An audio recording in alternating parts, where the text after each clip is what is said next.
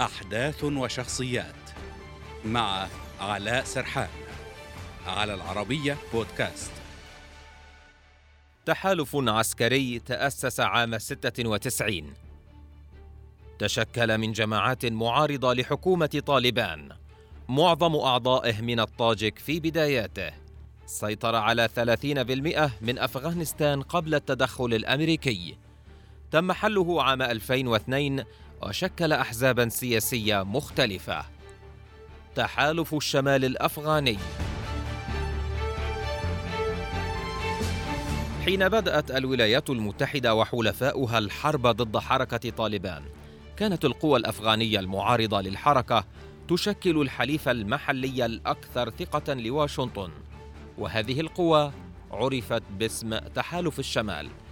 رسميا يعرف باسم الجبهة الإسلامية المتحدة للإنقاذ في أفغانستان. تأسست أواخر 96 بعد سيطرة حركة طالبان على كابول. في البداية كان معظم أعضائها من الطاجك لكن بحلول عام 2002 انضم قادة من جماعات عرقية مختلفة من الأوزبك والهزارة والبشتون. أبرز أمراء التحالف القائد الطاجيكي الأصل أحمد شاه مسعود الذي قتل قبيل الإطاحة بطالبان على أيدي تنظيم القاعدة.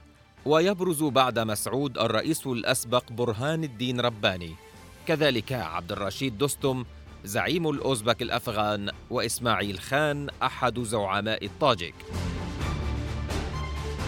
وبعد أحداث الحادي عشر من سبتمبر دعمت واشنطن وحلفاؤها تحالف الشمال في الحرب ضد طالبان والقاعدة وبدأت السيطرة على الولايات واحدة تلو الأخرى إلى أن دخلوا كابول في نوفمبر 2001 وطردوا طالبان منها.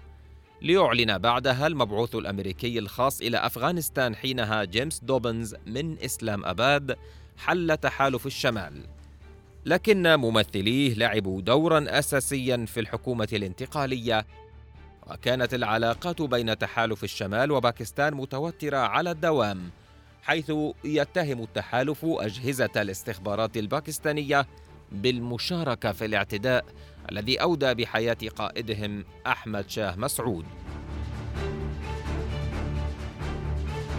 بعد مرور عشرين عاما على الإطاحة بحكم طالبان بلغ القادة الأحياء من تحالف الشمال مرحلة عمرية طاعنة في السن لكن ما زال لديهم تأثير كبير على حشد الأتباع والتعبئة لكن جيلا جديدا أيضا ظهر لقيادته منهم نجل أحمد شاه مسعود.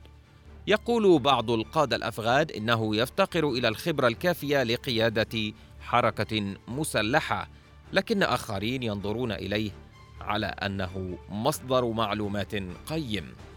في مناطق أخرى حافظ الرجل الأوزبكي القوي الجنرال عبد الرشيد دوستم منذ فترة طويلة على جيش خاص من الآلاف من قاعدته في مقاطعة جوزجان.